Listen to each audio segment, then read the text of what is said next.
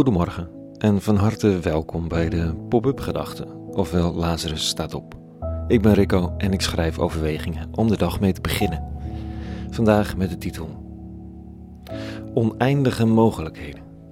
Pop-up Gedachten donderdag 8 april 2021.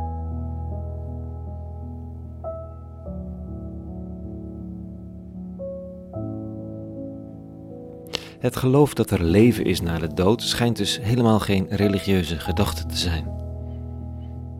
Of anders is zo'n beetje de hele wereld, inclusief al die seculiere, behoorlijk religieus. In welke crematie of afscheidsviering hoor je niet dat oma op je neerkijkt, of met je meeleeft, of je ziet, of je vast kan horen.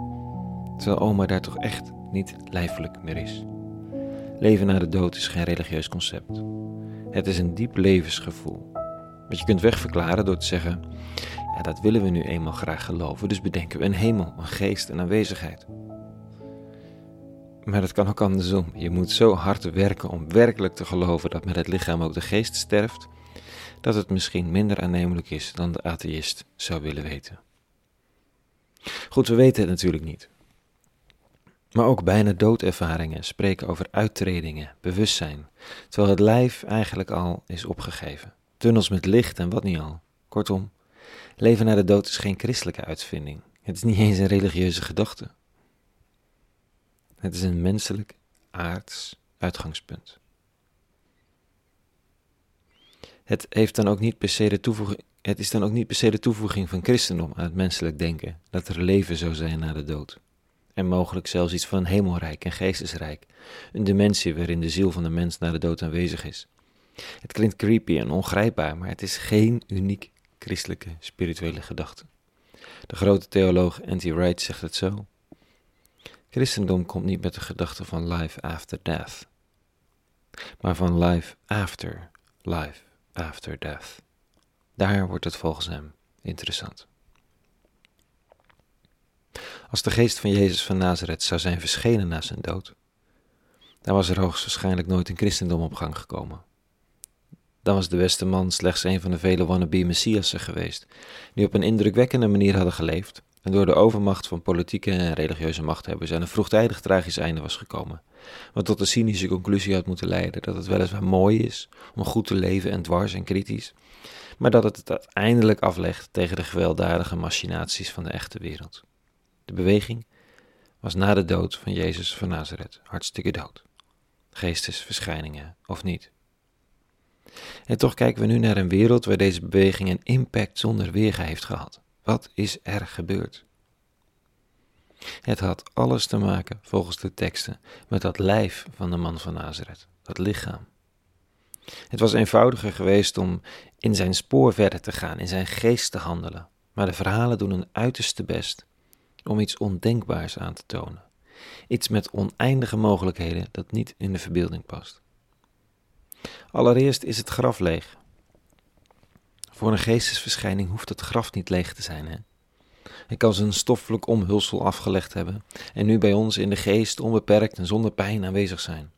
Als oma in de hemel is en op ons neerkijkt, of onze overgeleden, als, als, of als onze overleden geliefde tegen ons praat, dan gaan we niet twijfelen of de kist misschien leeg is. Hier begint echter alles met een lege kist. Daarna dit. Terwijl ze, de discipelen, daarover spraken, stond hij zelf, Jezus, plotseling in hun midden en zei: Vrede zij u. In hun verbijstering en schrik meenden ze een geest te zien, maar hij sprak tot hen: Waarom bent u ontsteld? Waarom komt er twijfel op in uw hart? Kijk naar mijn handen en voeten. Ik ben het zelf. Betast mij en kijk. Een geest heeft geen vlees en beenderen, zoals u ziet dat ik heb. En na zo gesproken te hebben, toonde hij hun zijn handen en voeten. Toen ze het van vreugde en verbazing niet konden geloven, zei hij tot hen: Hebt u hier iets te eten? Zij reikte hem een stuk geroosterde vis aan. Hij nam het en at het voor hun ogen op.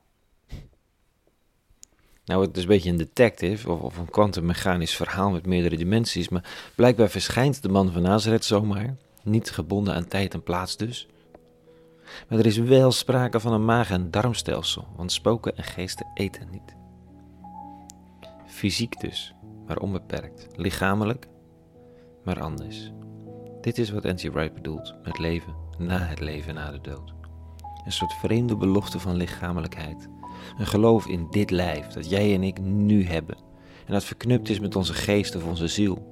Of hoe die zweverige entiteit ook mag heten die ons persoonlijkheid geeft.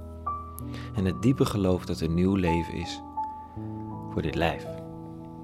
Met eten en drinken en onbegrensdheid in tijd en plaats. Het duizelt een beetje, maar dat is wat de beweging van de man van Nazareth aan het rollen bracht. Met duizelingwekkende impact. Tot zover vanochtend. Wat beschouwingen dus over leven en lijf. Morgen weer een nieuwe pop-up gedachte. En voor nu, vrede gewenst. En alle goeds.